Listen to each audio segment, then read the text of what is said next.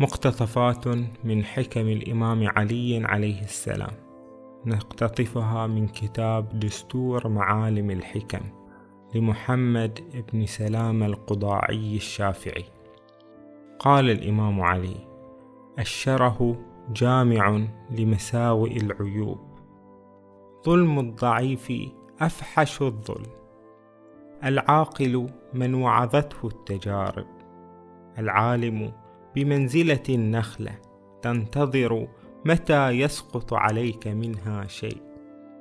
وقال عليه السلام العالم من عرف أن ما يعلم في جنب ما لا يعلم قليل فعد نفسه بذلك جاهلا فازداد بما عرف من ذلك في طلب العلم اجتهادا. والجاهل من عد نفسه بما جهل في معرفة العلم عالما. وكان برأيه مكتفيا. وقال عليه السلام العبادة انتظار الفرج. العجلة زلل والإبطاء ملل. العقل حفظ التجارب. العلم وراثة كريمة. الفرصة تمر مر السحاب. فانتهزوا فرص الخير. وقال عليه السلام الفقر يخرس الفطن عن حجته. وقال الفكرة نور والغفلة ضلالة. وقال عليه السلام في سعة الأخلاق كنوز الأرزاق. في الصمت السلامة من الندامة. قارن أهل الخير تكن منهم. وباين أهل الشر تبن عنهم قد خاطر بنفسه من استغنى برأيه. كدر الجماعة خير من صفو الفرقة. كفر النعمة لؤم وصحبة الجاهل شؤم. وقال بما معناه كم من مريض قد نجا وصحيح قد هوى. كم من عاكف على ذنبه تاب في آخر عمره.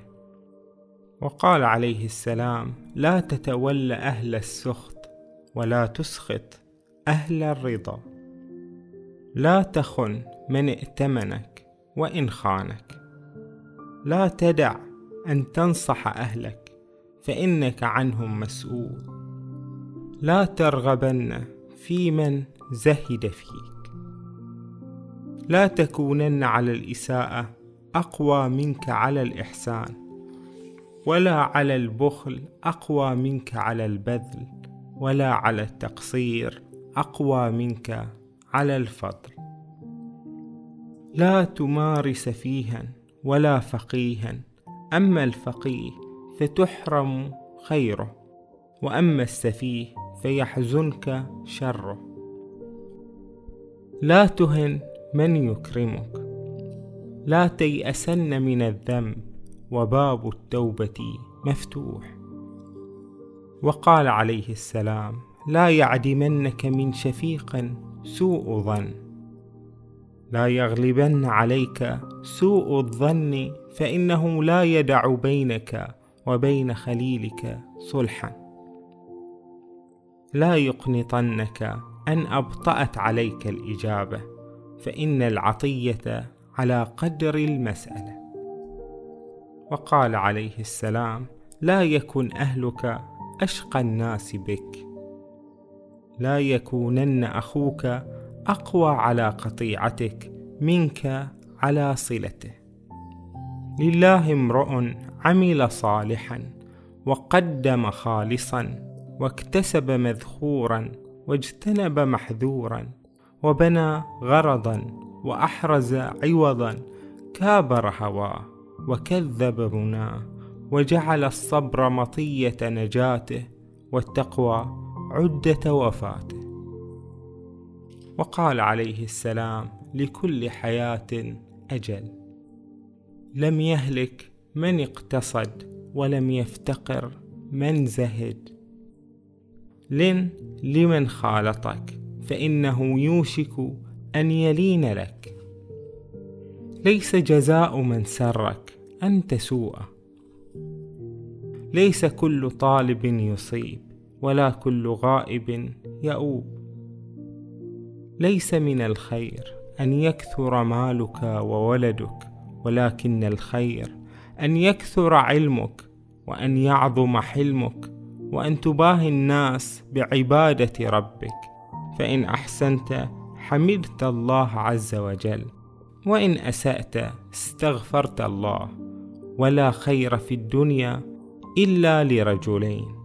رجل أذنب ذنوبا فهو يتدارك ذلك بتوبة ورجل يسارع في الخيرات ولا يقل عمل مع تقوى فكيف يقل ما يتقبل؟ وقال عليه السلام ما أبالي باليسير رميت أم بالعسير لأن حق الله تعالى في العسر الرضا وفي اليسر الشكر. ما أقبح الخضوع عند الحاجة والجفاء عند الغنى. ما كل ما تخشى يكون. المعروف أفضل الكنوز وأحصن الحصون. المغبون من غبن نصيبه من الله عز وجل. وقال عليه السلام بما معناه الفقير غريب في بلدته. وقال من أبصر عيب نفسه شغل عن عيب غيره. من أصبح والآخرة همه استغنى بغير مال واستأنس بغير أهل وعز بغير عشيرة. من أطلق طرفه كثر أسفه. من تحرى الصدق خفت عليه المؤن. من تشبه بقوم عد منهم. من تفكر أبصر. من خالط العلماء وقر ومن خالط الانذال حقر. من ضاق خلقه من له أهله. من قلب الأحوال عرف جواهر الرجال. من كان مطيته الليل والنهار فإنه يسار به وإن كان لا يسير. من خير حظ امرئ قرين صالح. الموعظة كهف لمن وعاها. المؤمن لا يحيف على من يبغض.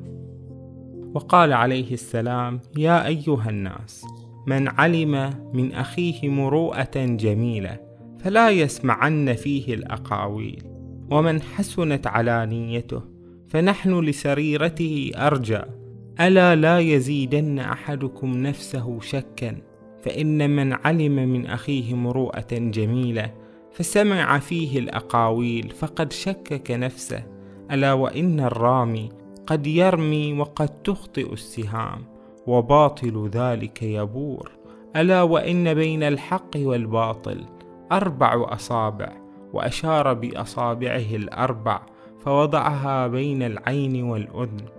فالحق أن تقول رأيته بعيني والباطل أن تقول سمعته بأذني. الشكر زينة الغنى. شكر كل نعمة الورع عن محارم الله. الصبر الشجاعه صفة المؤمن قوة في دينه وجرأة في لينه وإيمان في يقينه وخوض في فقه وبر في استقامة وعمل في علم ونشاط في هدى وكيس في رفق. لا يغلبه فرجه ولا يفضحه بطنه. نفسه منه في عناء والناس منه في إعفاء. لا يغتاب ولا يتكبر.